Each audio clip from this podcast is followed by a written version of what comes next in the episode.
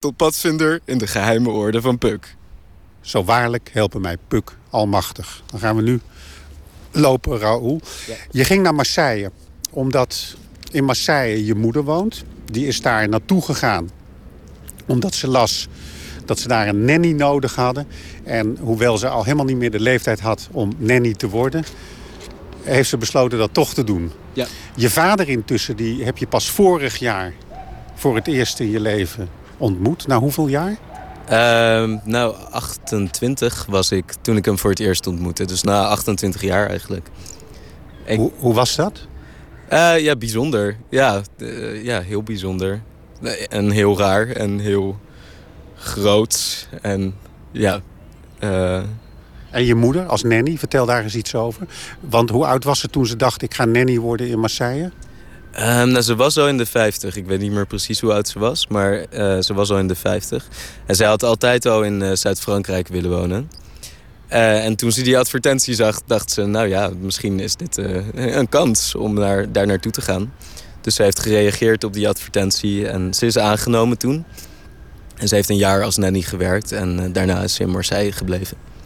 Ja, ik vraag dat over je moeder en ook je vader... die je dus pas onlangs hebt, hebt ontmoet omdat ik over die tocht van je hoorde. En Ja. dacht, ja, wat drijft zo iemand? Maar je bent eigenlijk, zo blijkt al, een, een jongen met ook een... nou, ik zeg niet wonderlijke achtergrond... maar een achtergrond die anders is dan die van andere mensen. Ja. En de vraag is, hoe kwam jij op het idee... om een soort bedevaart bijna, een voettocht naar Marseille te gaan maken? Wanneer en hoe? Ja, Ehm, nou, ik zat in de trein op een gegeven moment naar eh, Parijs. Mijn vriend woont in Parijs. Ehm, en ik was een boek aan het lezen van eh, Christopher Isherwood. My Guru and His Disciple heette dat boek. Ehm, en ik had net de eerste zinnen gelezen van dat boek. Toen viel ik in slaap. En toen hoorde ik in mijn hoofd...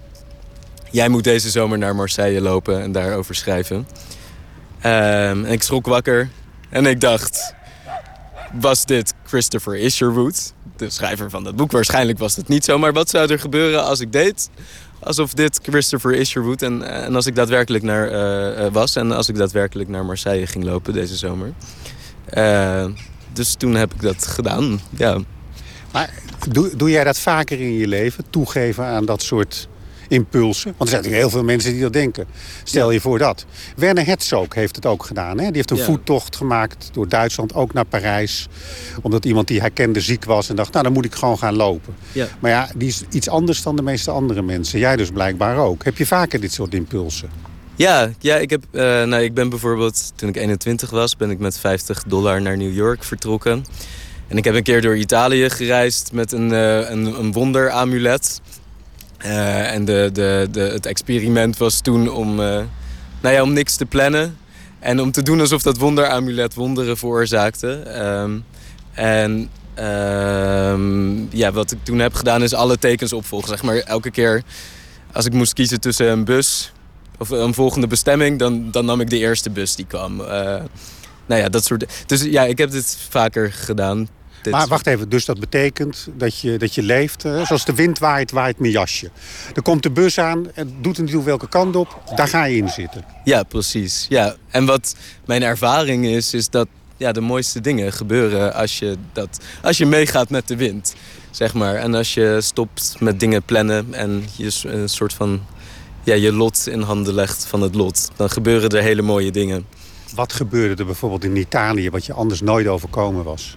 Ehm, even kijken. Nou, de, ik had een film gezien van Fellini, bijvoorbeeld. eh, dat uh, Intervista heette die film. En dat, dat ging een beetje eh, daarover ook. Hoe je wonderen kunt veroorzaken.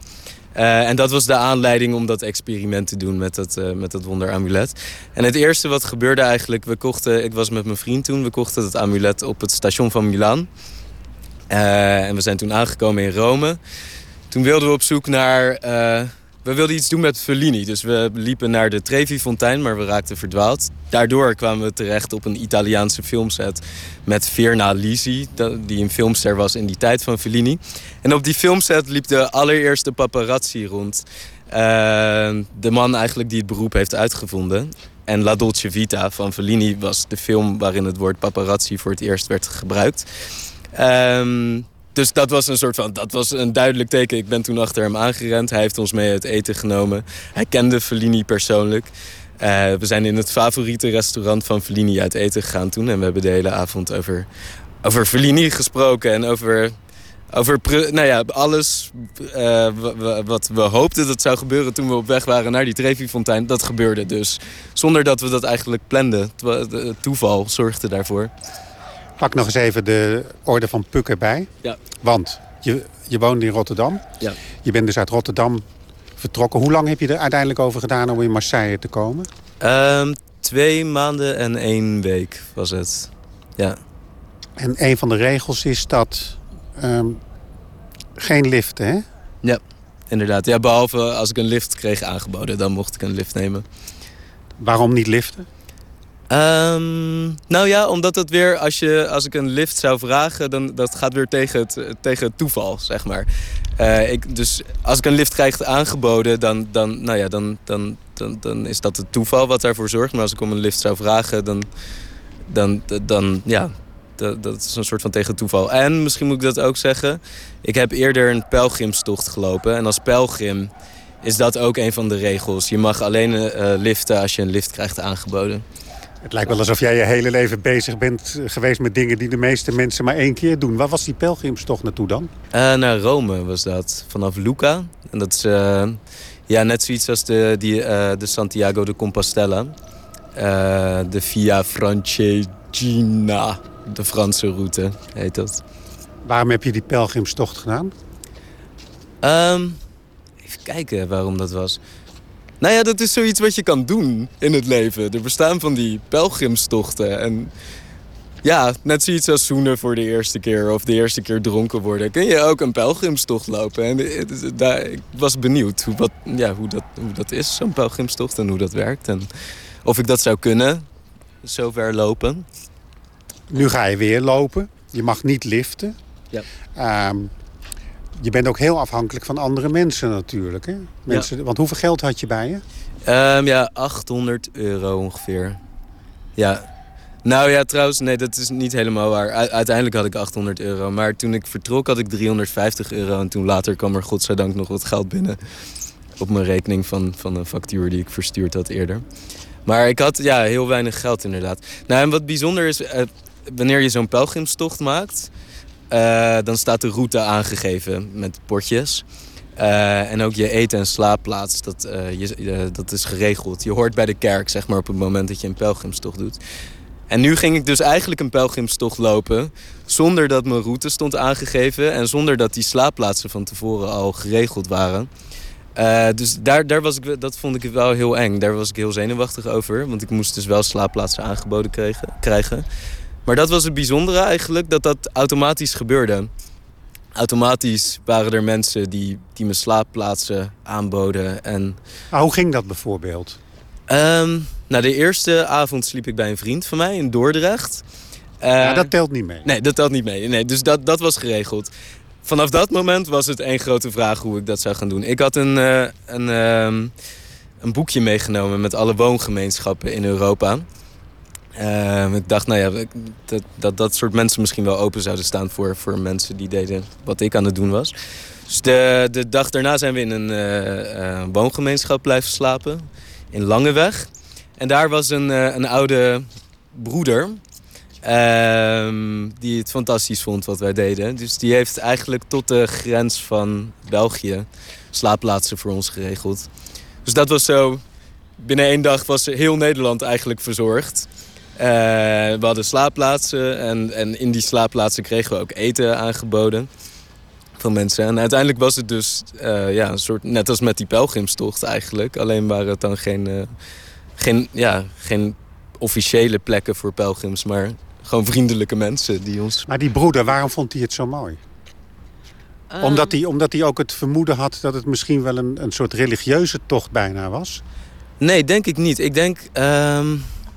Nou, wat wij heel erg in elkaar herkenden, die, die broeder zat dus in een woongemeenschap.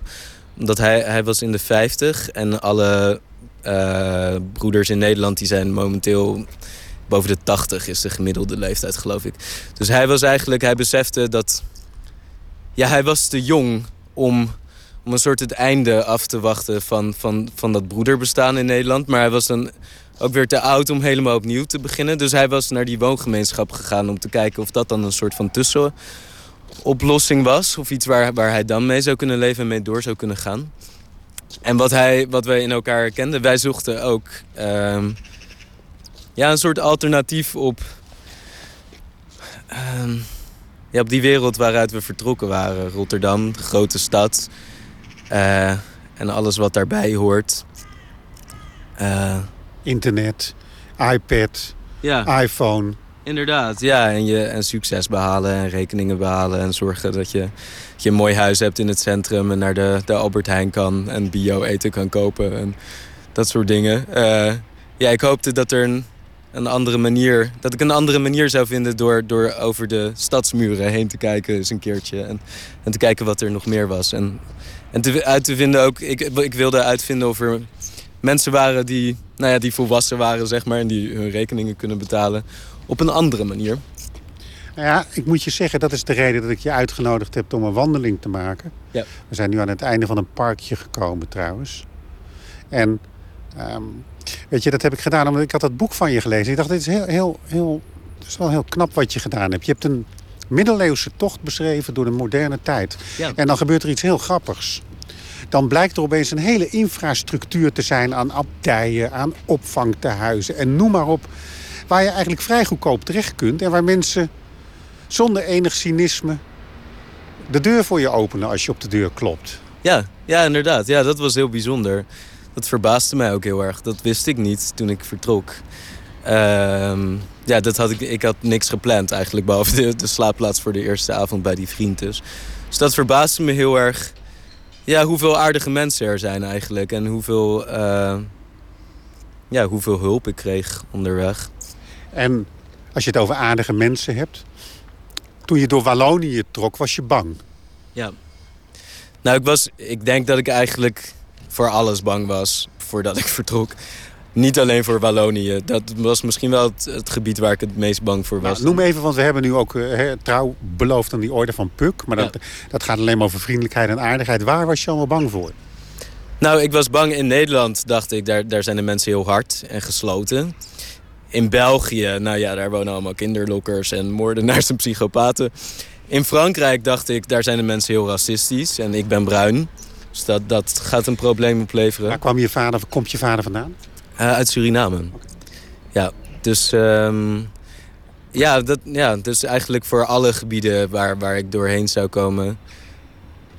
was ik wel bang. Maar ook als je het nieuws kijkt...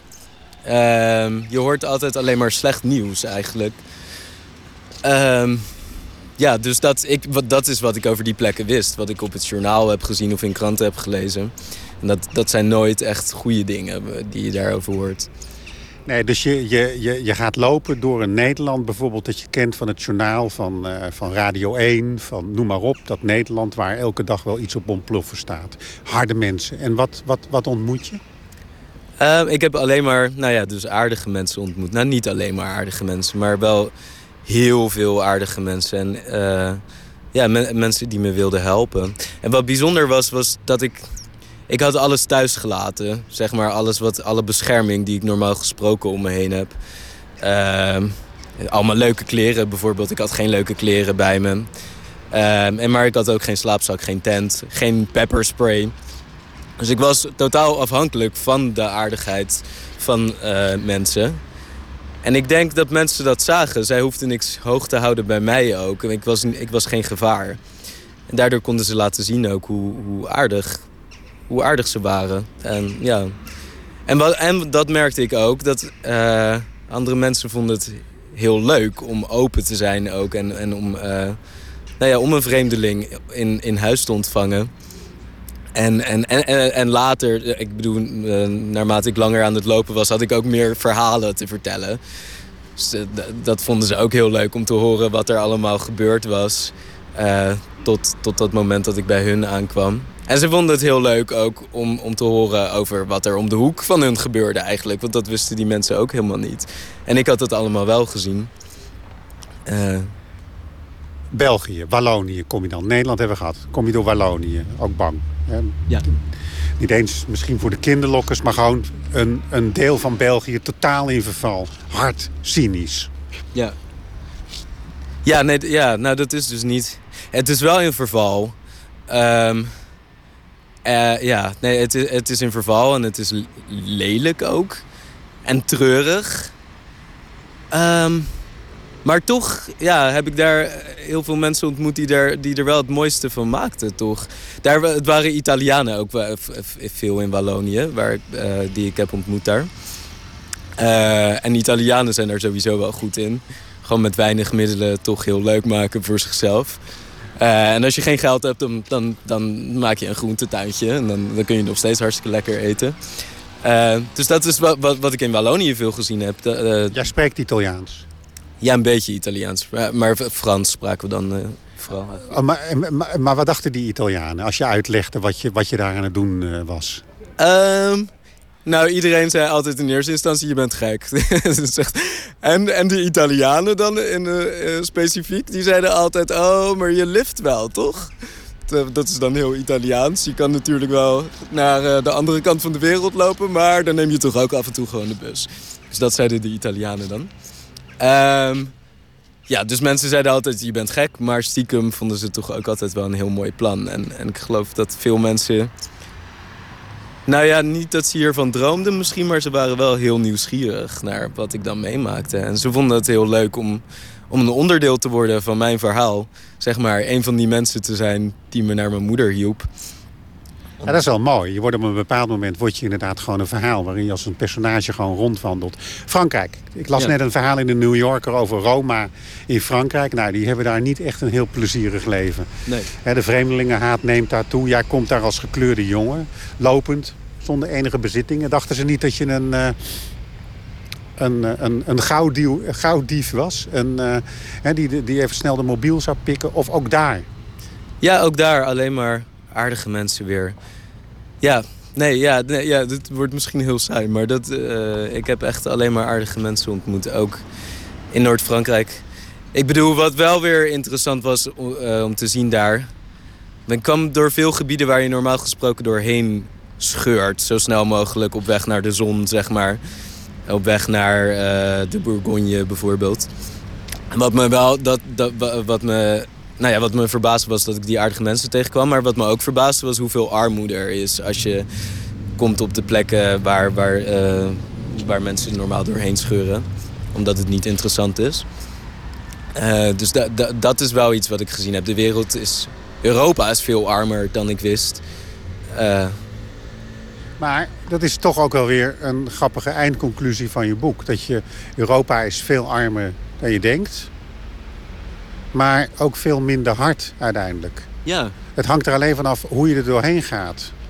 Ja, en als inderdaad. Je, als, je, als je gewoon lopend gaat, dan zie je een ander Europa. Ja, ja inderdaad. Ja, je ziet een, nou ja, als je lopend gaat, maar wel met de regels van de orde van Puk. Als je ook, want daar begon het wel mee, dat ik, ik gaf mensen ook de, de kans zeg maar, om, om te laten zien hoe aardig ze waren. En dat was dus doordat ik die mensen nodig had. Ik was verplicht om te vertrouwen in de goedheid van mensen, zeg maar. En daardoor, daardoor konden mensen dus ook uh, nou ja, mij vertrouwen teruggeven. En als ik nou heel cynisch zou zeggen... ja, maar Raoul, kom, hou nou eens op. Dit is, dit is bijna pseudo-religieuze kletspraat. wat, wat, antwoord je me dan tenslotte? Uh, ja, nou, dat, dat dat jammer is voor jou. dat je er zo over nadenkt. Dan omdat je een hoop mist. Dat, dat, zou, dat is denk ik het juiste antwoord. Um, ja, want zo is het niet. De wereld is veel leuker dan we denken. Dat, ja, dat is alleen maar leuk om dat te ontdekken. Uh, je moet eerst alleen alles, als, net als Franciscus, weggeven en wandelen. Nou, nee, dat hoeft niet per se. Nee, het is, je moet ervan uitgaan dat het zo is. En dan ontdek je dat het zo is. Het is zeg maar een instelling die je, die je ook kunt... Uh, uh, je, je, um, Nee, je, kan, je kan ook zo door het normale leven gaan zonder alles weg te geven en zonder, uh, zonder naar Marseille te lopen. Je kunt het ook doen door te, te lachen naar mensen op straat en dan merk je dat iedereen teruglacht. Raar genoeg.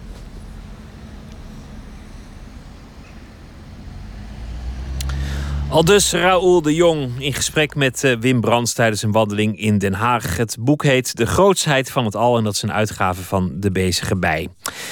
Tijd voor wat uh, soulmuziek, uh, zou ik zeggen. We draaien maar James Carr, The Dark End of the Street. At the dark end of the street That's where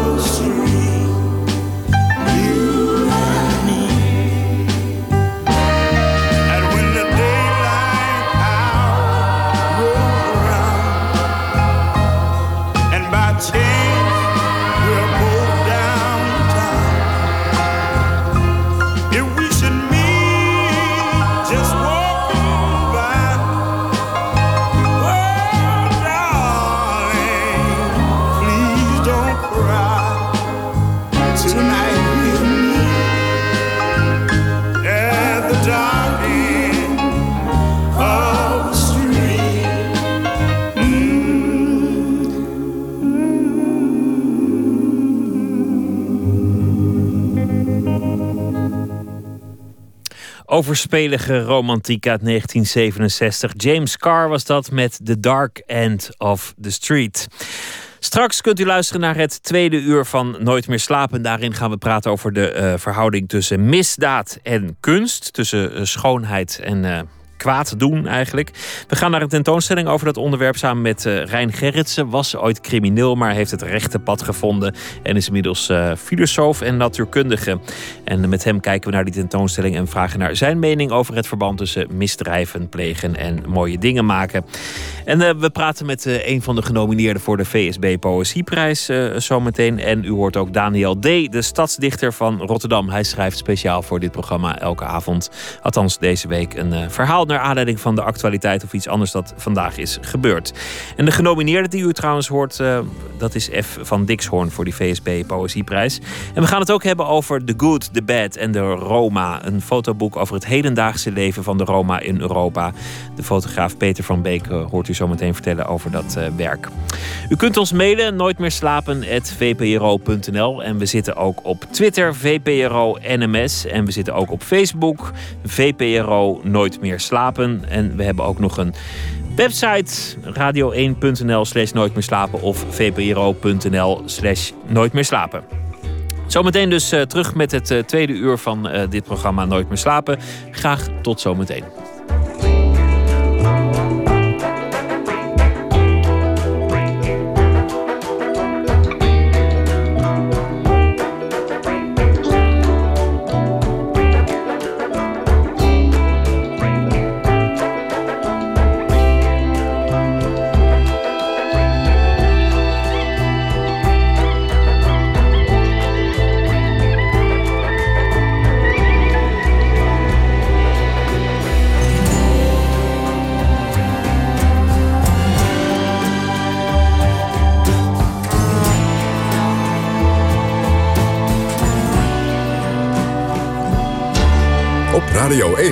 Het nieuws van alle kanten.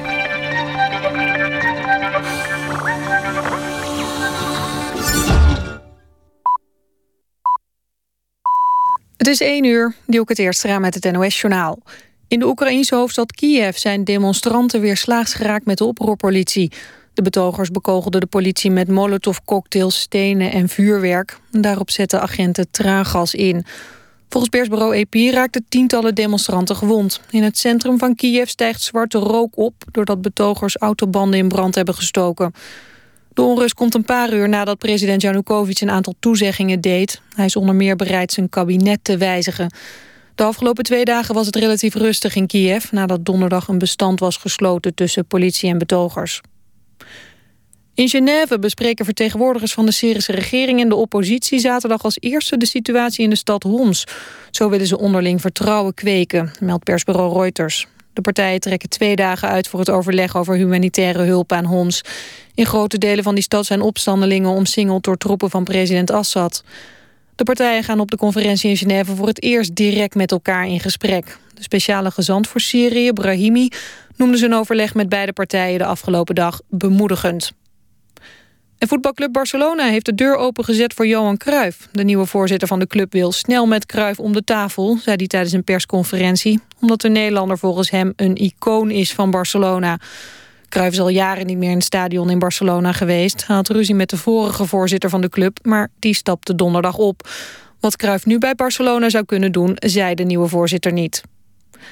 Het weer, vannacht wolkenvelden en enkele opklaringen. Het blijft zo goed als droog bij min 4 graden in het noordoosten... en plus 2 in het zuidwesten.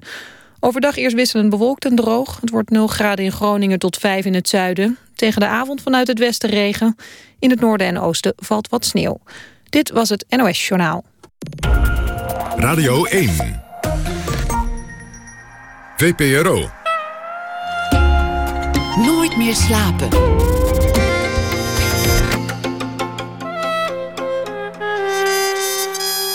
Met Pieter van der Wielen. Welkom terug bij Nooit meer slapen. Dat het allemaal ook goed kan komen in het leven, dat hoort u zo meteen van Rijn Gerritsen. Hij was uh, gedetineerde, zat zes jaar in de gevangenis voor uh, allemaal uh, kwade dingen die hij had gedaan. Maar daarna werd hij filosoof en natuurkundige en nu heeft hij ook een boek geschreven. En met hem gaan we naar een tentoonstelling over schoonheid en misdaad. En het verband tussen die dingen. En u hoort dichter F. van Dixhoorn. Zijn bundel De Zon in de Pan is genomineerd voor de VSB Poëzieprijs. En we gaan ook nog praten over een fotoboek over het leven van de Roba in Europa. Maar we beginnen met Daniel D., de stadsdichter van Rotterdam. Hij schrijft ook proza en dat doet hij ook deze week voor dit programma. Elke dag een verhaal naar aanleiding van iets dat die dag is gebeurd. Daniel, goeie nacht. Goeienacht. Wat, uh, wat heb je vandaag uh, voor de kiezer gekregen waar, wat je heeft uh, gezet tot het schrijven? Ja, nou, het is fijn dat je het vraagt. Uh, want er zijn eigenlijk twee dingen. Uh, vanochtend uh, begon mijn dag eigenlijk met de opmars van de otter. En daar heb ik toen een stuk over geschreven. En nu net zag ik het hele gedoe rond die racismestoel van Dasha. En, en nou ja, die, al die commotie. En daar had ik eigenlijk uh, maar dat heb ik dus niet vandaag geschreven. Maar daar had ik een tekst bij uh, die al heel goed paste. Dat was een, een, een, een Russische kunstverzamelaar. En die had, had zichzelf... Uh, ja, had een foto van zichzelf laten maken, als, naar, geïnspireerd op een ander kunstwerk. En dan zat ze op een stoel, maar die stoel dat was eigenlijk een zwarte vrouw. Die, die fungeerde Precies. als stoel. En, en mensen ja. vonden dat aanstootgevend. Ja, inderdaad. Dat. En dat verhaal had je toevallig nog liggen, dus dat is nu wel heel actueel. Nou, een, een, een uh, soort racismeverhaal ook, inderdaad. En, en ook vooral, uh, nou ja, is die commotie allemaal wel echt uh, nodig. Dus nu, nu, dus nu zitten we met een, met een beetje soort van iets dilemma-achtigs. Want je hebt dus een, een, een verhaal over een otter en een verhaal over racisme. Ja, nee, inderdaad. En nou, ik leg het lekker op jouw schoot. Ja, mooi ben je. ja. Maar ja, als ik zeg, doe maar een verhaal over een otter... dan, dan zeggen mensen weer van, zie je, jij vindt racisme niet belangrijk zeker? Nee, en als je zegt, doe maar over racisme... dan heb je een Partij voor de Dieren op je dak natuurlijk. Ja, en, en de Otterfederatie. Nou, ja, ja. zie je, je kunt het in het leven niet goed doen. Welk is het leukst? Ah, dat is altijd een lastige vraag voor de schrijver. Nou, kijk, weet je, de opdracht was dat ik echt iets zou moeten schrijven, hè. En eh, die ene tekst die had ik al liggen. En die otter heb ik echt daadwerkelijk voor vandaag geschreven. Nou, do- doen we doen de otter en misschien hebben we ook nog wel tijd voor die ander. Waarom niet? Doe eens gek. Hè? Doen we ze allebei. We zullen even kijken. We beginnen gewoon met de otter. Ja. De wraak van de otter. De ergste dingen, daar bericht de journalistiek nooit over. Of hooguit een stukje onderaan pagina 3. Nee, wij hebben het liever over zoiets banaals als de mollenjacht. Het meest verontrustende bericht van vandaag was de opmars van de otter. Dit kan uitmonden in een regelrechte humanitaire catastrofe. En bij niemand gaat er een alarmbel af. We zullen er uiteraard pas over horen als het weer eens te laat is. We hebben het natuurlijk zelf over ons afgeroepen. In de middeleeuwen liet de paus een decreet uitvaardigen waarin hij stelde dat de otter een soort vis was, omdat hij toch in het water leefde. Zo hadden wij op vrijdag toch nog iets lekkers om te eten. Dat misverstand, die foute kwalificatie zal ons nu opbreken. En ik geef het toe, wij hebben destijds gruwelijk huis gehouden. Dat had niet mogen gebeuren, dat was niet netjes. Zoveel eeuwen geleden, maar ze vergeten niets. Zoals slavernij ook nog steeds doorzeurt. Niets gaat verloren, het ettert maar door. Of het ottert maar door. Het blijven natuurlijk knaagdieren, net zoals ratten. Maar kom op, dat is al zo lang geleden. Laat dat eens een keertje los. Ze hebben hun tanden geslepen. Ze zijn klaar om ons terug te pakken. Het gonst van de geruchten in de Gelderse poort. Dit kan niet goed aflopen. Niet alleen autobanden of remkabels zullen worden doorgeknaagd, maar ook gas- en waterleidingen. De ramp in Pernis zal niet te overzien zijn. Hou je baby's en dreumissen goed in de gaten. Ga niet alleen in het donker door een na- natuurgebied lopen. Het einde is nabij. Over het knagend verleden gaat dat. Ja, mooi. Ja. Ik vind, ja, mooi verhaal. Ja, ik, ik ben helemaal in de stemming. Het, het is vrijdag. Hè? Ik bedoel, eh, mensen zijn eh, of in het café eh, dronken of, of ze zitten aan de radio. En dan zijn ze volgens mij ook wel in staat om, om nog een verhaal te Oké, verteren. nou, dan, Ja? dan doen we het volgende verhaal. Dat jas ik er gewoon even doorheen. Twee voor de prijs van één. Precies. Het is een waar gebeurd verhaal trouwens. Het is verteld door mijn stiefschoonzus van de koude kant. Dus denk daar maar even over na. Hoe die verhoudingen precies zitten dan. Het heet Opblaasneger. Het was een bruiloft met alles erop en eraan. In zo'n dorpszaaltje. You'll Never Walk Alone werd gedraaid. Er was een eerste dans. Op haar vrijgezellenfeest kreeg de bruid een opblaaspop van een neger. Niet van een neger, maar een bruine opblaaspop dus.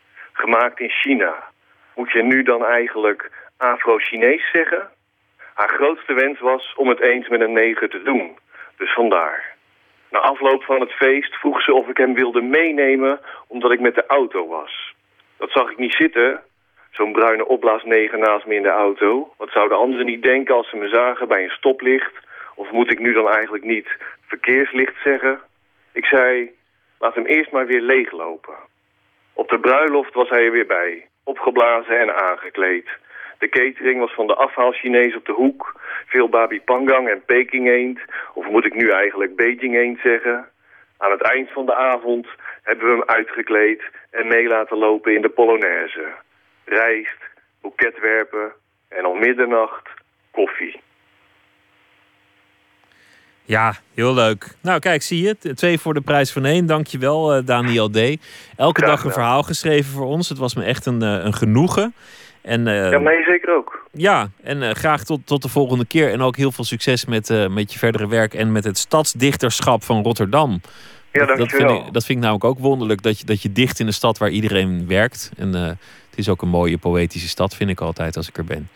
Dus eh dankjewel Daniel D. En veel plezier. Dank je.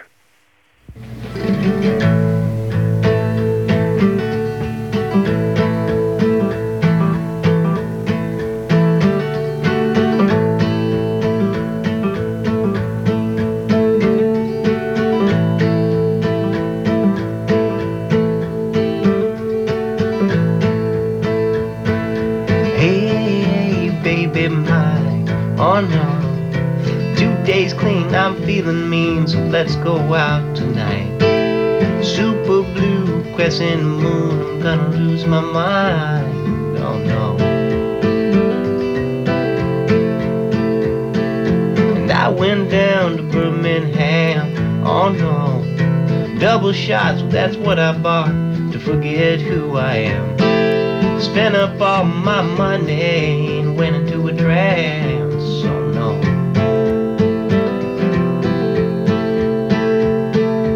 I signed up with Uncle Sam. Oh no. And I got shot and I shot a lot. Now I guess that's who I am. Hard to tell how the hell to get another chance.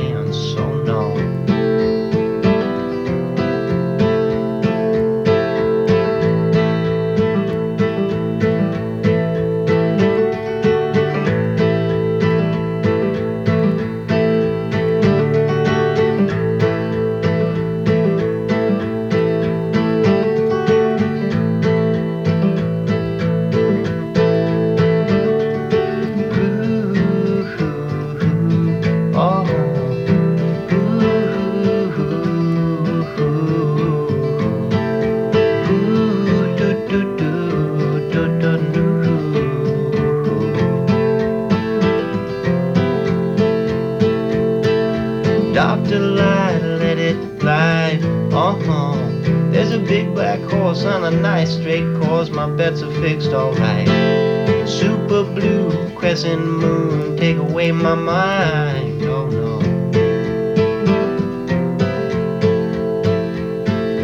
Goodbye, mama mine. Oh no. Two days clean, I was feeling mean, and I went out last night.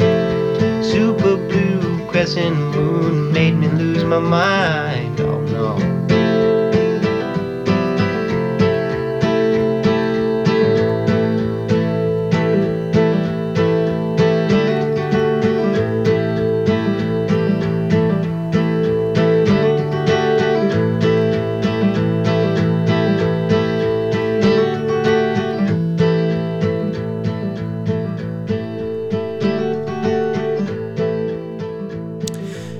Golden Messenger. En dat is het alter ego van de Amerikaanse singer-songwriter Michael Taylor. En van het album Poor Moon is dit het nummer Super Blue. En volgende week treedt hij op in Nederland vanaf 30 januari in de steden Amsterdam, Deventer, Middelburg en Utrecht.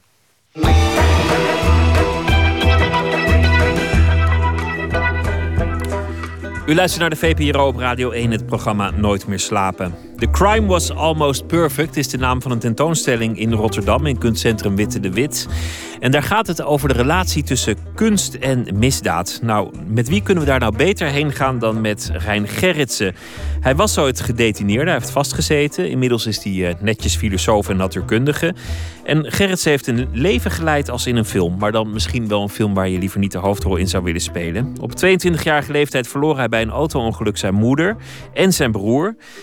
Belandde zelf bijna een jaar in het ziekenhuis, raakte daar verslaafd aan medicijnen, werd psychotisch en na ontslag uit het ziekenhuis belandde hij in de misdaad. Uiteindelijk werd hij veroordeeld tot zes jaar gevangenisstraf. Na twee jaar kwam hij vrij, ontwikkelde zich toen pas tot filosoof. En hij schreef een driedelige autobiografie over zijn leven. Nou, we gingen met hem dus naar die tentoonstelling. Althans, verslaggever Emmy Colau deed dat. Om met hem te praten als filosoof en ervaringsdeskundige over de verhouding tussen schoonheid en misdaad. En ze werden rondgeleid over die tentoonstelling door curator Juri Meesen. Dit zijn eh, voorwerpen uit een museum, een criminaal museum uit Graz in Oostenrijk. En dit is een vroeg voorbeeld van een forensisch eh, eh, koffertje. Hier zitten allemaal voorwerpen in waarmee je dus op de crime scene ehm, eh, onderzoek kunt doen naar wat er gebeurd is. Hè. Kwastjes om vingerafdrukken vast te leggen, meetlatten, tangetjes, schaartjes. En dit is een heel vroeg voorbeeld van zo'n kit.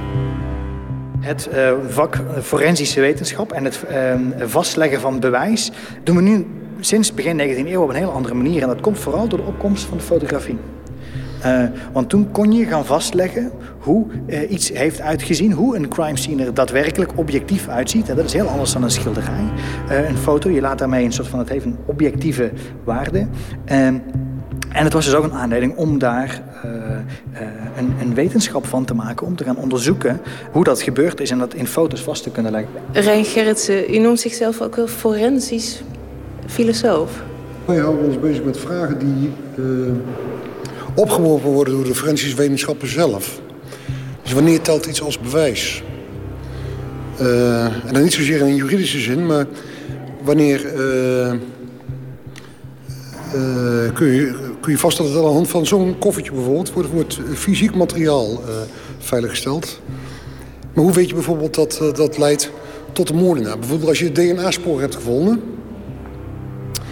hoe weet je dan dat het eh, eh, leidt naar de moordenaar? Statistisch gezien is daar geen enkel bewijs voor. Dus het gebied is eh, heel rijk. Ja, en zo'n koffertje, heeft u dat dan wel eens in het echt gezien? Ja, ja, dat heb ik wel eens een keertje in het echt gezien. Ja, wat moderner hoor. Dat- Dit is eh, heel ouderwets. Maar nee, tegenwoordig zullen er ook andere dingen in zitten dan dit. Ik bedoel, die hamer kan echt niet meer. Zie hier volgens mij Han van Dit is Meegeren Han van hangen. Meegeren, ja. Dat is een, eh, ehm, hoe kunst zelf misdadig kan zijn. Eh, dit is een uh, bruiklijn die wij eh, hebben eh, van het Boymans. Museum Boymans en Beuningen hebben gekregen voor deze tentoonstelling. Heel bijzonder. Want ehm, het is een, eh, eh, een schilderij van Han van Meegeren. Maar hij eh, imiteert hier een Vermeer. Nieuwe Vermeers die we nog niet kenden. Het zijn geen, geen kopieën. Hij heeft ook heel, met heel veel succes die schilderijen in museumcollecties weten te krijgen. Als zijn de echte Vermeers. Ja, eigenlijk is het een voorbeeld, Rijn Gerritsen, van hoe een crimineel ook een held kan worden. In de loop der tijd. Je hebt mensen die het liefst de hele dag niks doen. En dat kost eigenlijk meer energie dan dat je wel wat uitvreet.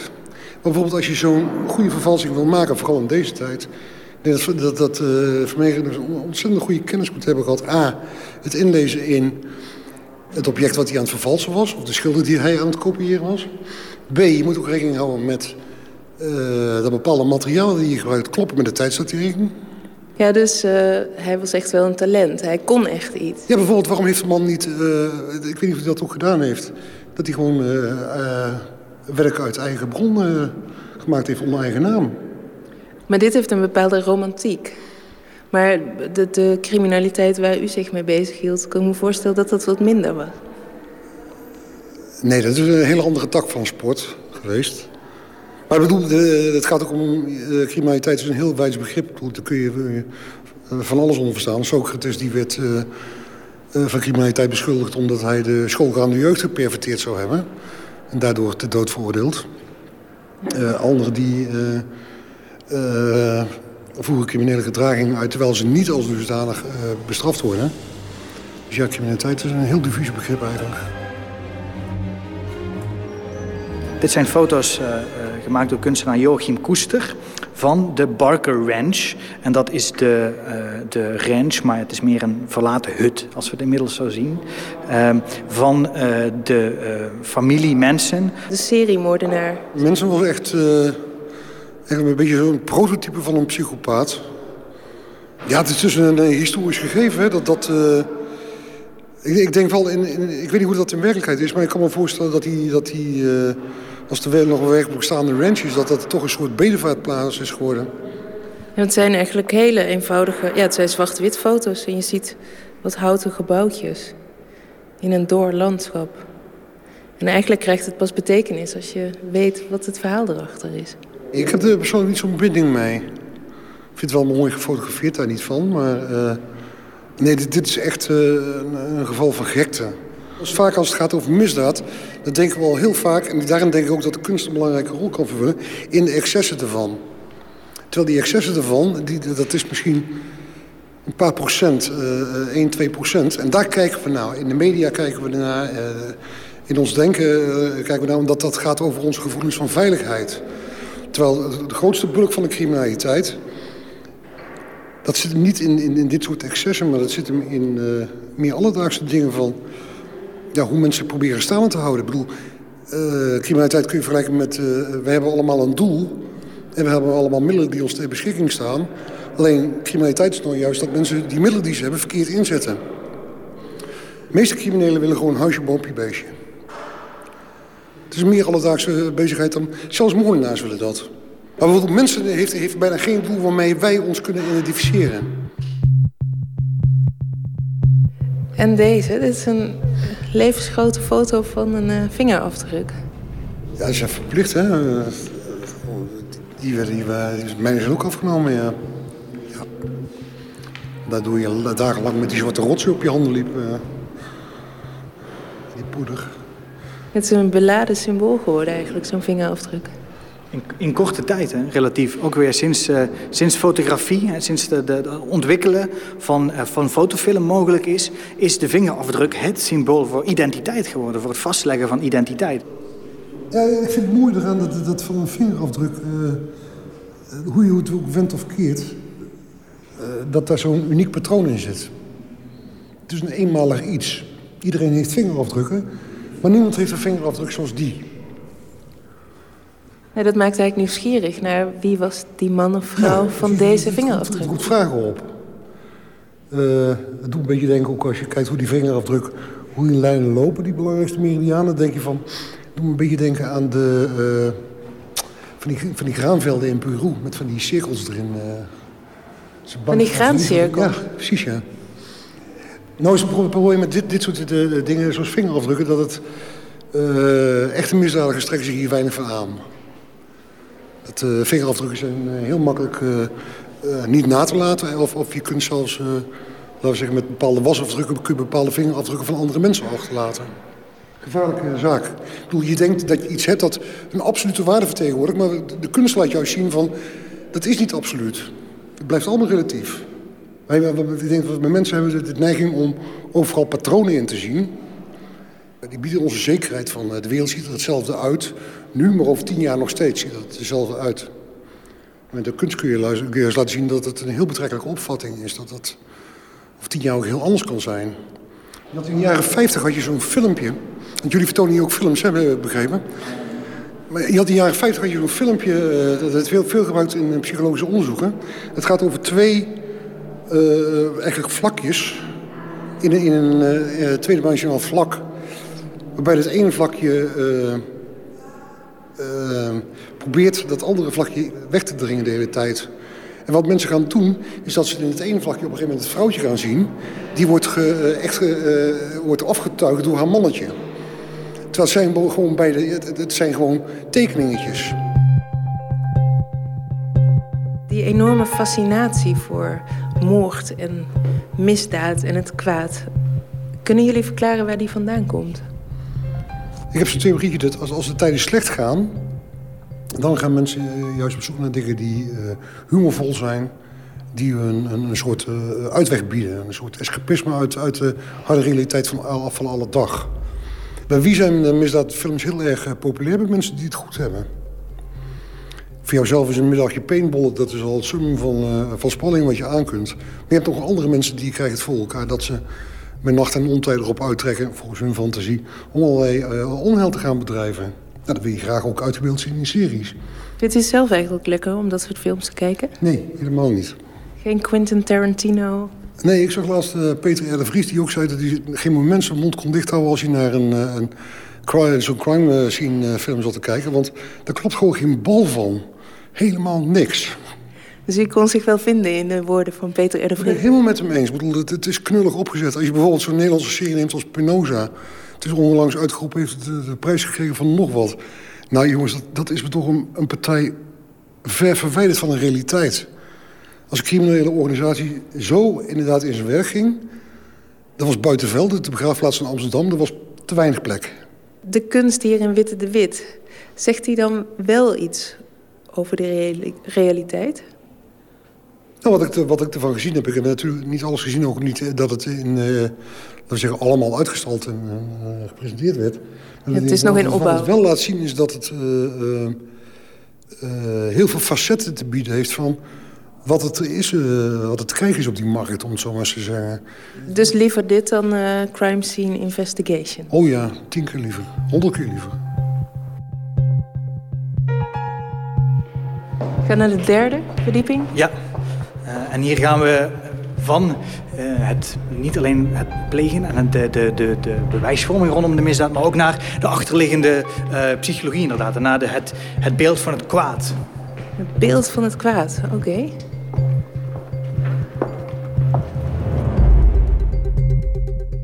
Eh, we staan hier voor een werk van Bik van der Pol, twee kunstenaars eh, uit eh, Rotterdam. En zij hebben hier het werk eh, Gold, presenteren ze. Wat verwijst naar een eh, gedicht eh, van Thomas Hood, een Engelse dichter uit eh, eh, 1799. En in dat gedichtje komt een, eh, een eh, jonge dame, een bankiersdochter, die komt te verongelukken, verliest haar been. En ze overtuigt dan haar vader, de bankier, ervan dat zij een gouden been nodig heeft, een gouden prothese. Dus die vader houdt ontzettend veel van zijn dochter en bezorgt haar een gouden been. Nou, ze heeft eh, eh, partners voor het uitkiezen. De ene na de andere man werpt eh, zich voor haar voeten met, dat mooie, met die gouden mooie prothese. Maar degene waar ze voor kiest is uiteraard een uh, slechterik. Iemand die niet goed met haar voor heeft. Iemand die zelf helemaal niet rijk is. Een echte gold digger. Die op dat been uit was. Die op, dat, op haar rijkdom en op dat been uit was. Want uh, in dat gedicht van William Hood um, gaat die, die man, zodra ze getrouwd zijn, met een ontzettende vaart al dat geld uitgeven. Al het geld van die dochter, uh, al het kapitaal wat haar vader heeft, uh, in zijn leven heeft verdiend, geeft hij geeft uit. En als allerlaatste, als alles op is, steelt hij haar gouden been, slaat haar daarmee over haar hoofd en gaat met, dat, met die prothese er vandoor. Niks meer over. Uh, ja, wie is hier, wie is hier de misdadiger? Wie is hier de hebzuchtige? is het de dochter? Is het haar man? had die vader haar überhaupt niet zo'n prothese moeten geven? En hoe, en dat zien we hier op ons naar ons toe gloeien met die gouden letters, ja, hoe verblind worden wij door die persoonlijke soort van drijfveren van hebzucht. Waar zet dat mensen toe aan? Um, en wat is die persoonlijke, ja, uh, uh, persoonlijke level van misdaad? Zijn het niet gewoon hele normale mensen die zelf hogerop willen komen? Ja, dus dan kom je eigenlijk bij de vraag: uh, kunnen we allemaal tot misdadiger verworden? Rijn Gerritsen. Ligt eraan hoe, hoe gevoelig je bent voor verleiding.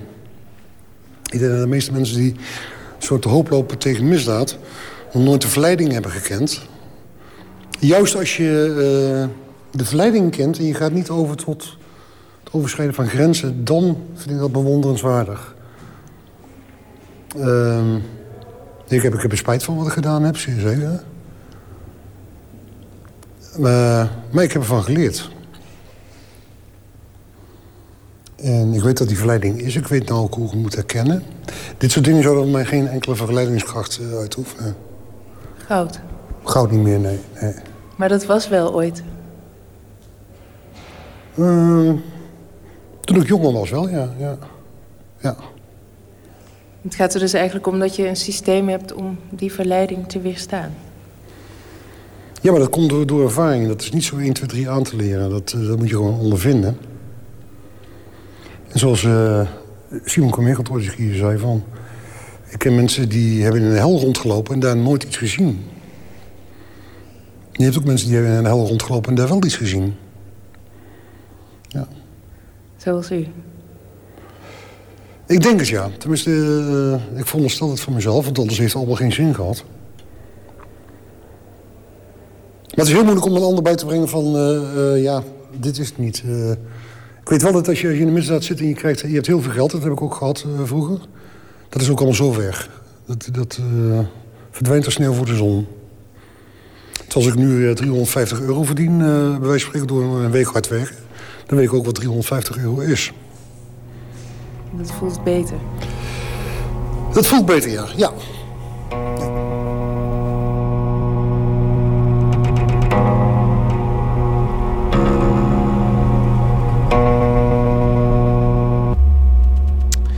Emmy Colau in gesprek met Juri Meesen van het Centrum voor Hedendaagse Kunst Witte de Wit. En met filosoof en schrijver Rijn Gerritsen. Binnenkort komt van hem een nieuw boek uit. En dan zal Wim Brands in dit programma uitgebreider met hem spreken over zijn leven en zijn werk. De tentoonstelling The Crime Was Almost Perfect is vandaag geopend. En de komende maanden nog te zien in Rotterdam. De eerste singer-songwriter James Vincent McMorrow bracht deze maand zijn lang verwachte tweede plaat uit. Post Tropical heet hij.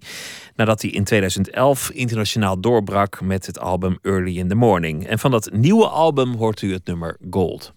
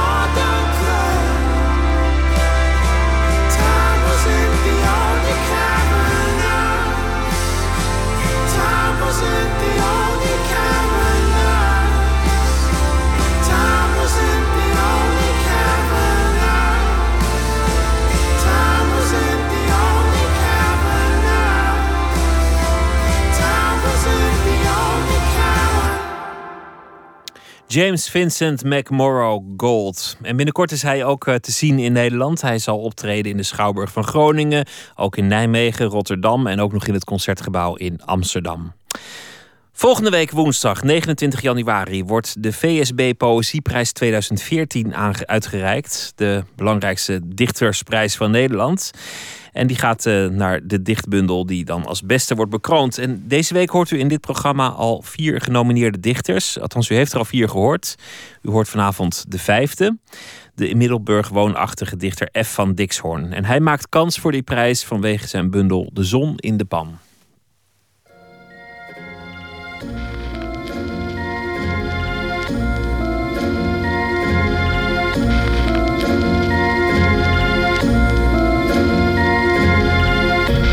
Ik weet nog wanneer ik me eigenlijk, ik noem het maar, erbij vond horen. Eh, als dichter. En dat was in eh, 1981, toen, ik, eh, toen mijn eerste gedichten, die in een tijdschrift verschenen, verschenen in, eh, in Raster. En dat was een beetje wat ik wilde. Ik, wil, ik noem mezelf pas, nou dichter, ik noem eigenlijk nooit dichter. Eh, wanneer ik in een landelijk tijdschrift terechtkom waar ik eh, zelf veel in zie. En dat was rastig. Klinkt een beetje raar, misschien een beetje arrogant ook. Ik vond me geen dichter tussen de dichters met wie ik eh, wel optrad. Ik was in Zeeland. Die maakten allemaal een heel, heel, heel ander soort gedichten dan, eh, dan ik maak. En de eigenlijk gedichtjes waar ik niet van hou en me geen dichter wilde voelen. Ik hou niet zelf, terwijl ik wel denk dat het in mijn werk komt. Sommigen vinden het heel, eh, heel kaal en zo worden. Dat ik wel een gevoelig iemand ben en ook gevoel en zo erin gooi.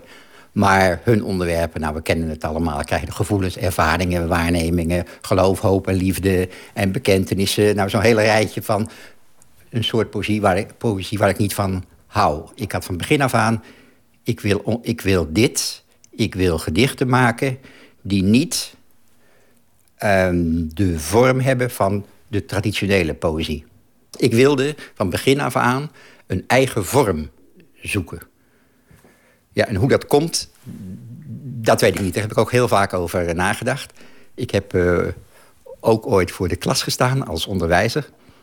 En dat was op een, niet op een vrije school, maar een vrij vrije school, zal ik zeggen. Maar de vrije school is eigenlijk iets anders. Maar het waren de zestiger jaren. Je mocht experimenteren. En de school waarop ik werkte, daar mocht je ook ongelooflijk op eh, experimenteren. En dat paste mij. Ik, ik, ik had toen ook al de neiging, hup, methodes, die gingen bij mij gingen weg. En ik ging mijn eigen methodes maken. Maar dat heb ik bijna in alle dingen. Dat heb ik misschien ook in mijn, in mijn, in mijn huis.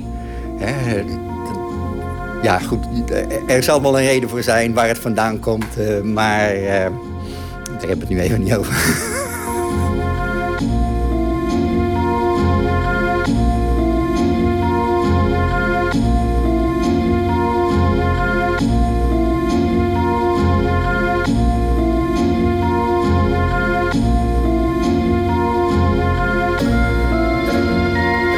Er is één heel belangrijk iemand voor mij gekomen... die mij eh, vanaf het begin heel, heel serieus eh, nam. En dat was uh, Rijn Bloem. Ik heb heel veel aan Rijn Bloem te danken, vind ik. Altijd nog. Ehm, die zei, weet je wat je moet doen? Trek je van niemand wat aan. Ga je eigen weg. Jij moet je eigen weg gaan. Ik had me inmiddels al een beetje verteld met wat voor soort, tussen aanhalingstekens, bouwwerkje ik bezig ben. Eh, ik zeg het niet graag bouwwerk, want dan lijkt het alsof bij mij, of je het bouwwerk moet kennen om mijn poëzie te begrijpen. Dat, dat wil ik niet. Maar er is wel iets waar het vandaan komt, hoe het in elkaar zit, waarom ik deel, waarom ik dat doe en dat doe. En Rijn die begreep dat vrij snel. En nou, ik heb met, ja ik eh, ben er blij om dat hij mij dat zelfvertrouwen gaf, wat ik denk ik op dat moment zeer, zeer nodig had. Er ontstond een soort vriendschap tussen ons. We gingen ook uh, later samen naar de Europa Cup wedstrijden van, van Ajax. Ik, ging er, ik introduceerde bij hem thuis de staafmixer. Om een carpaccio te maken. En vanaf die tijd gingen we één keer in de drie, vier weken tussen de middag lunchten we samen. En praten we een beetje, roddelden we een beetje over, over de poëzie.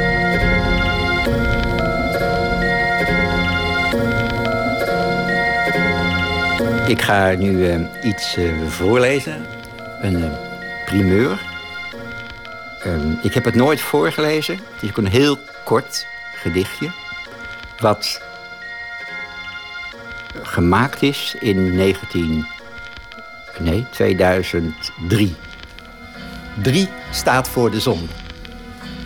Zo heet het gedichtje. Drie staat voor de zon om. De ene na de andere om. Om. De ene na de andere om. Aanwezig. Aan alle zijden verdedigbaar. 1. Fort. 2. Keert zich om. Waar die koelte, die schaduw vandaan komt. Ik ben even.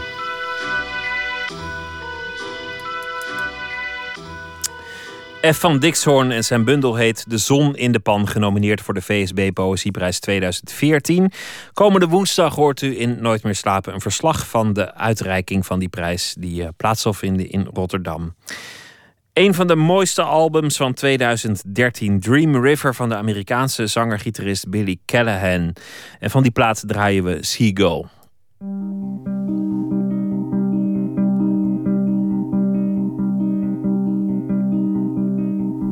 barroom may entice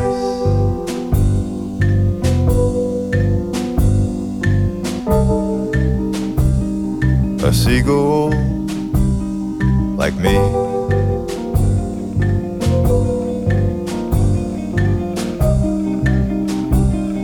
Right off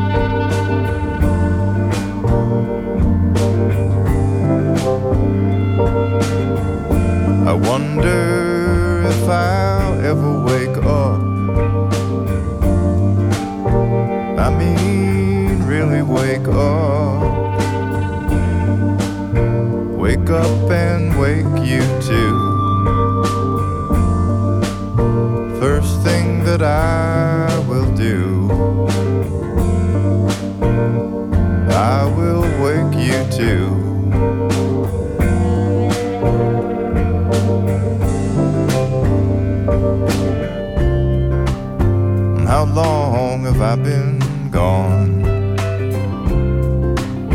How long have I been traveling?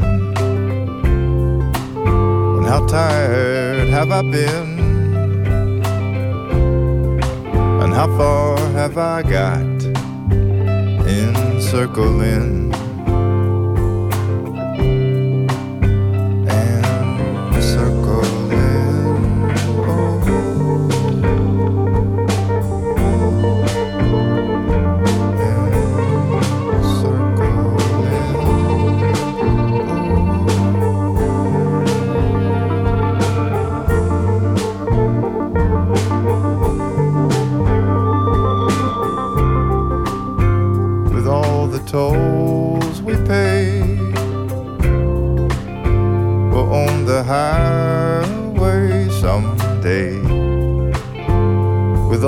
Tolls we pay,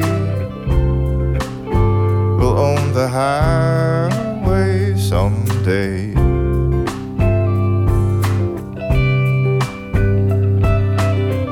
And the weight of the world slips away.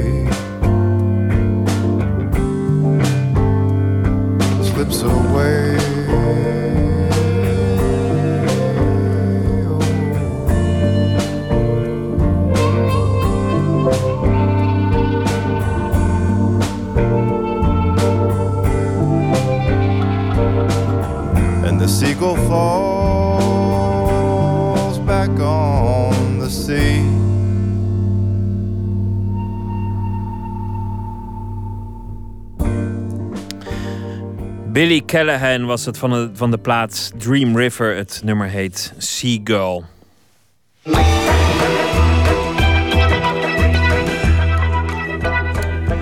De VPRO op Radio 1, het programma Nooit meer slapen. Van fotograaf Peter van Beek verscheen onlangs The Good, The Bad en The Roma. Een fotoboek over het hedendaagse leven van de Roma in Europa. Op verzoek van Peter van Beek sprak Anton de Goede, onze verslaggever, met hem af op Ruigoord. Een dorpje aan de rand van Amsterdam.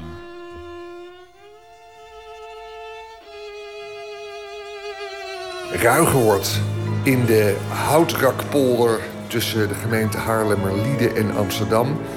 Dit dorp werd ooit in de jaren 70 geheel gekraakt, hè, in zijn geheel. Inmiddels staat het te boek als een kunstenaarskolonie, omdat leegstaande woningen steeds meer bevolkt werden door kunstenaars. En wij bevinden ons bij een katholiek kerkje, al uit eind 19e eeuw. De Sint-Geertrudeskerk is dat volgens mij. En dit bestaat allemaal omdat met name Hans Plomp, Gerben Hellinga en nog zo wat mensen... Ja, Rudolf Stokvis. ...er een, enorm eh, voor gestreden hebben, kunstenaars, om dit te behouden. En het is een enorm rommeltje, maar het is een inspirerend rommeltje. David Frank, jij bent de beheerder. Ja, ja. En we zitten hier met Peter van Beek, de fotograaf. Peter van Beek heeft een fotoboek gemaakt over Roma...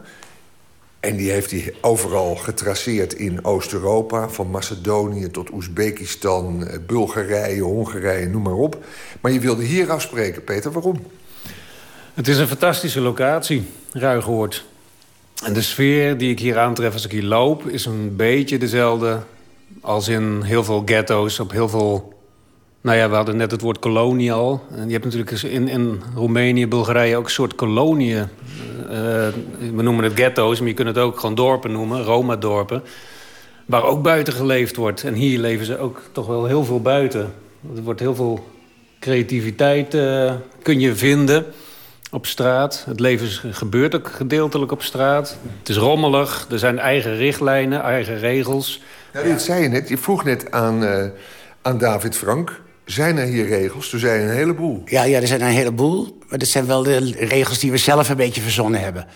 Omdat hij heeft heel lang heeft de buitenwereld zich niet met Ruigoord bemoeid. En toen hebben we het zelf maar een beetje bedacht. Sigaretje opsteken hier, dat kan nog wel. Ja, ja, ja, ja hebben, eh, jointjes. Over het algemeen. Er zijn weinig mensen die hier tabak roken zomaar. Maar de meeste douwen er wiet in, ja. En eh, wat is de belangrijkste regel die er wel is? Eh, oh, er zijn er twee. De ene is eh, iedereen is te missen. Dit voor het geval mensen zich een beetje te veel dingen in hand nemen... en daarna daarmee gaan chanteren. Iedereen is te missen. En wat was die andere nou? Hoe bedoel je iedereen is te missen? De- mensen kunnen zich heel erg inzetten eh, om, om, voor Ruigoort... maar met, met, met verkeerde bedoelingen. En dan op een gegeven moment dan is iedereen ha- iemand haast onmisbaar geworden... en dan gaan ze vaak chanteren met, eh, met de macht die ze hebben op dat moment... en dan roepen wij iedereen is te missen. En dan worden ze er weggestuurd. Ja, ja, ja de troon is, eh, is, is eh, open. Iedereen kan erop gaan zitten, maar je kan er ook zo weer afgekukeld worden. Ja, ja, ja. Regel 2? oh, iedereen is te missen en... eh, oh, ik ben die andere vergeten. Nou, daar komen we straks misschien wel we op. Peter van Beek, Roma, de chaos, de, de, de anarchie toch ook. En regels zijn er. En dan heb je twee belangrijke regels. En dan, ja, die tweede, die ben je vergeten gewoon. Die komt dan later wel weer. Ja. Hè? Ja, je valt ook zo met de deur in huis. Ja. ja. Peter, Met de regels val je bij mij ook eh, met de deur in huis. Nou weet ik niet alles van de Roma, maar ik weet wel dat er eh, behoorlijk strikte regels zijn. En je hebt bijvoorbeeld de CRIS, de rechtspraak, waar iedere Roma zich aan moet houden. En binnen de gemeenschap heb je ook hele strikte regels. En het lijkt anarchie, maar dat is het niet.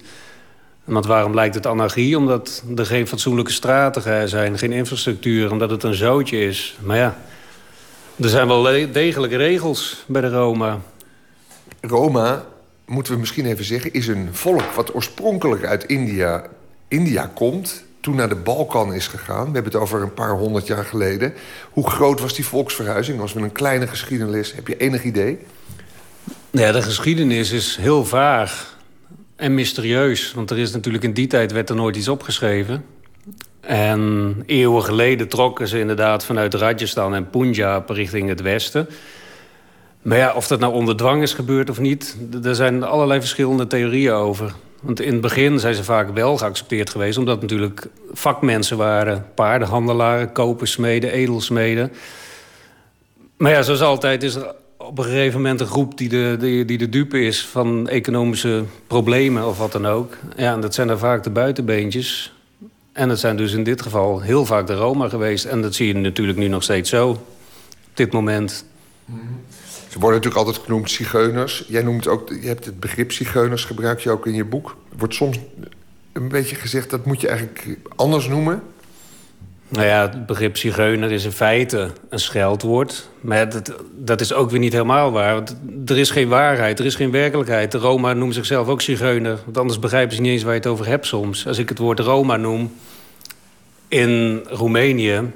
dan zeggen ze zelf, ah, gypsy, gypsy. En, maar je hebt ook Turkse Roma bijvoorbeeld in Bulgarije.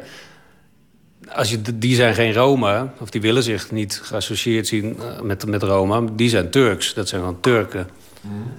David Frank, zijn ooit eh, Roma eigenlijk in Ruigoord neergestreken? Want ik zou me dat best kunnen voorstellen... want er zijn hier veel plekken waar je gewoon met een wagen kan gaan staan. En, eh, Ja, ze willen heel erg graag hier ook staan. Het wordt door de gemeente niet getolereerd. Uh, überhaupt wordt hier caravans, uh, kunnen, mogen we hier niet neerzetten. En uh, ze hebben ook een tijdje in de kerk gebivakkeerd in de tijd... Uh, toen ze ergens weggestuurd werden. En ze hier ook in de omgeving... We hebben heel veel sympathie met dat soort groepen eigenlijk. Wij voelen onszelf ook een beetje een, een stam. Wij voelen ons eigenlijk niets, niets... We voelen... Want we zijn allemaal wel zo'n beetje... We zitten hier al erg lang ge gelieerd aan elkaar. Dus wij zijn eigenlijk één grote familie. Dat is wat we voor hebben op anderen. Want... En wat ons kunststukje is, is dat we kunnen samenwerken. Dus wij maken wel ruzie van tevoren, ruzie daarna... maar niet ruzie tijdens een project. Ja, en wij zijn kunstenaars die hier ateliers hebben. Ja, klopt. Ja. Want er is Die ook... andere regel, dat was trouwens... je moet alleen maar doen waar je zin in hebt. Ah. En, dus die horen heel erg bij elkaar, die twee regels. Hè? Je moet alleen maar doen waar je... Zodat mensen niet kunnen zeggen... ja, en ik doe dit allemaal. En dan roepen wij... ja, je, je, je, moet alleen maar doen waar je zin in hebt. Je hebt een fout gemaakt. Fout nummer één. Ja, ja, ja. En dan nog even de locatieschetsen van het Ruigoord. Want we hebben genoemd, het is een, een, een eiland en een dorp... met een kerk en een handvol huizen... tussen Haarlem en Amsterdam. Ja, De haven breidt uit, de olieoverslag is gekomen. De vliegtuigen die, die naar Schiphol die vliegen hier over. Er staan enorme windmolens voor windenergie.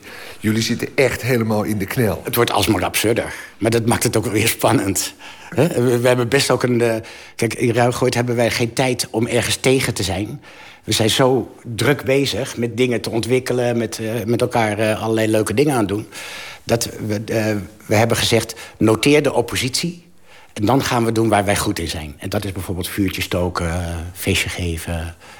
In Oost-Europa kom je natuurlijk echt wantoestanden tegen. Prostitutie, eh, criminaliteit. Ruigoord is daarbij vergeleken natuurlijk een, eh, een oase van beschaving en rust. En eh, kan ik me zo voorstellen. Ja, dat is denk ik ook een verschil. Ruigoord is een soort paradijs. In zekere zin. En dat zijn de meeste plaatsen waar Roma wonen absoluut niet. Integendeel natuurlijk. Alleen al het feit dat iedereen je haat... dat maakt je een heel ander mens. Met name in Roemenië, Hongarije is die haat en die discriminatie, lees je, enorm aan het toenemen. Nou, ik zou haast willen zeggen dat het in heel Europa of in heel de wereld is. Die haat is echt eh, overkoepelend. En het wordt alleen maar erger. Ook in Tsjechië bijvoorbeeld, in Slowakije. Maar ook in Frankrijk natuurlijk. We hebben daar jarenlang die uitzettingen, de deportaties... wat je misschien niet zo mag noemen, maar... En in Italië, waar ze molotov-cocktails op kampen gooien... waar kampen gewoon opgedoekt worden. En meestal moeten de Roma maar zien waar ze terechtkomen. En in het beste geval, wat dan ook een slecht voorbeeld is... worden ze in containers ver buiten het eh, centrum ge- gedropt. En zijn ze hun werk dus kwijt. Want dan moeten ze vijf, zes kilometer lopen naar de stad... om plastic te sorteren of karton op te halen, wat dan ook. Ja, dat wordt steeds lastiger om daarmee geld te verdienen. Dus... Maar het maakt niet uit of je nou in Frankrijk bent... of in Roemenië of Bulgarije. Iedereen haat de Roma.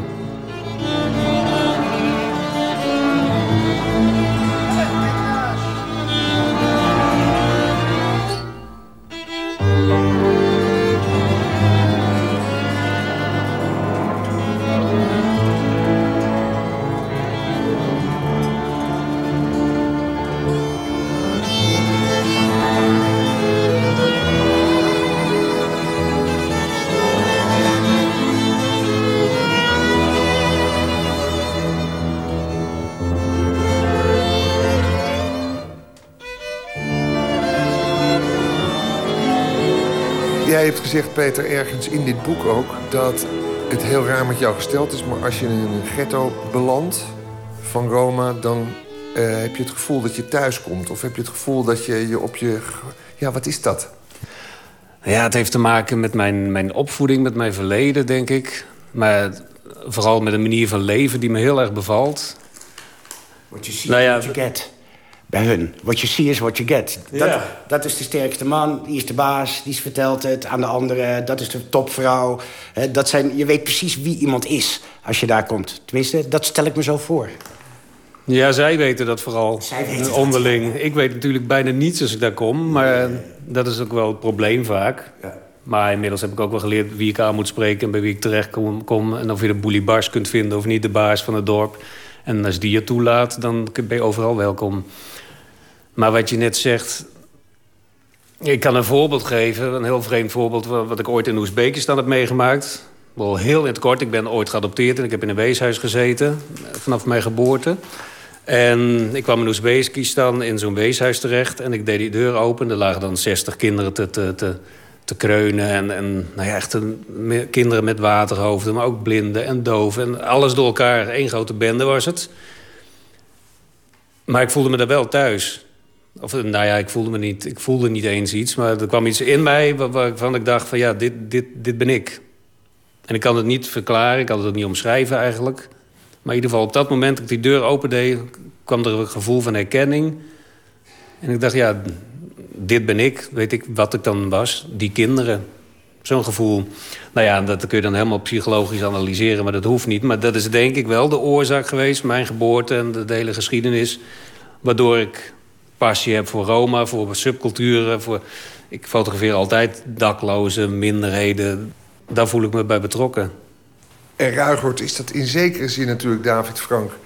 is er een soort gevoel dat je zou kunnen beschrijven... dat mensen hier naartoe komen om ergens aan te ontsnappen of ergens... eh, Ja, dat vind je wel veel. En eh, ook eh, mensen die hier eh, een vangfamilie zo- zoeken. Hè? Dus, dus ook tot een familie willen behoren. En eh, eh, ja,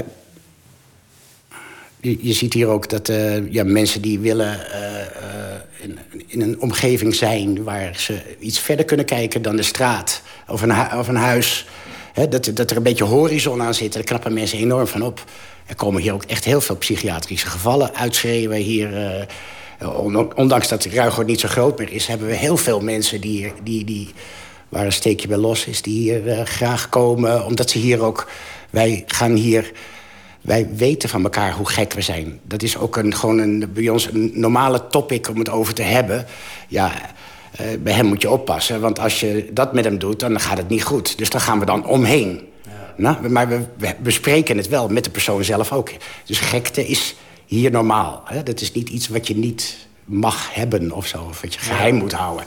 Ja. Peter, het is dus een heel persoonlijk verhaal wat je, wat, je, wat je vertelt... en wat je ook gebracht heeft bij die tien jaar lang...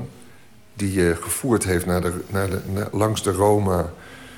terwijl je ook fotograaf bent in Den Haag... met een gezin, met opgroeiende kinderen. Is dat niet bijna schizofreen? Dat je dan aan de ene kant die ene wereld hebt... en aan die andere kant de gezinsvader bent... die eh, s ochtends eh, de kinderen naar school brengt? Ja, dat is soms lastig. Want thuis is het vrij strak allemaal. Hè?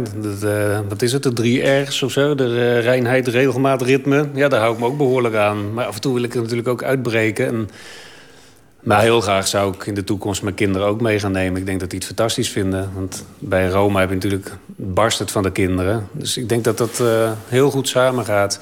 Maar het is wel een... een eh, ja, sinds ik kinderen heb ben ik ook iets minder vaak op reis. Dat wel dat vrij buitenige leven dat ik zelf leidde, dat, eh, ja, dat kan iets minder goed. Maar dat vind ik dan thuis ook alweer. Peter van Beek, David Frank, dank. Graag gedaan.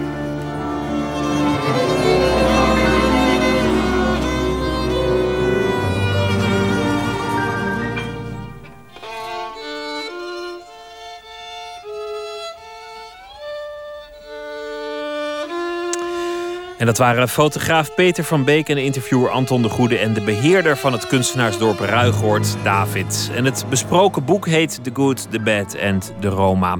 Dat is een uitge- uitgave van uitgeverij De Jonge Hond. Dit was eh, Nooit meer slapen voor deze nacht. Maandagnacht, dan zijn we er weer na middernacht. En dan komt schrijfster Frederik Schut langs. Zij voltooide de Mongol Derbies, werelds langste en zwaarste paardenrace. En daar schreef ze een eh, boek over. Missie Mongolië heet dat boek. En u krijgt ook eh, andere cultuur, onder andere een kort verhaal van schrijfster Maartje Wortel. Dat dus maandag bij Nooit meer slapen. Straks op deze zender gaat de VPRO verder met het programma Woord. En daarin gaat het eh, vannacht over het overschrijden van grenzen in eh, alle betekenissen van het woord. Ik wens u nog een hele goede nacht en morgen een hele vrolijke dag.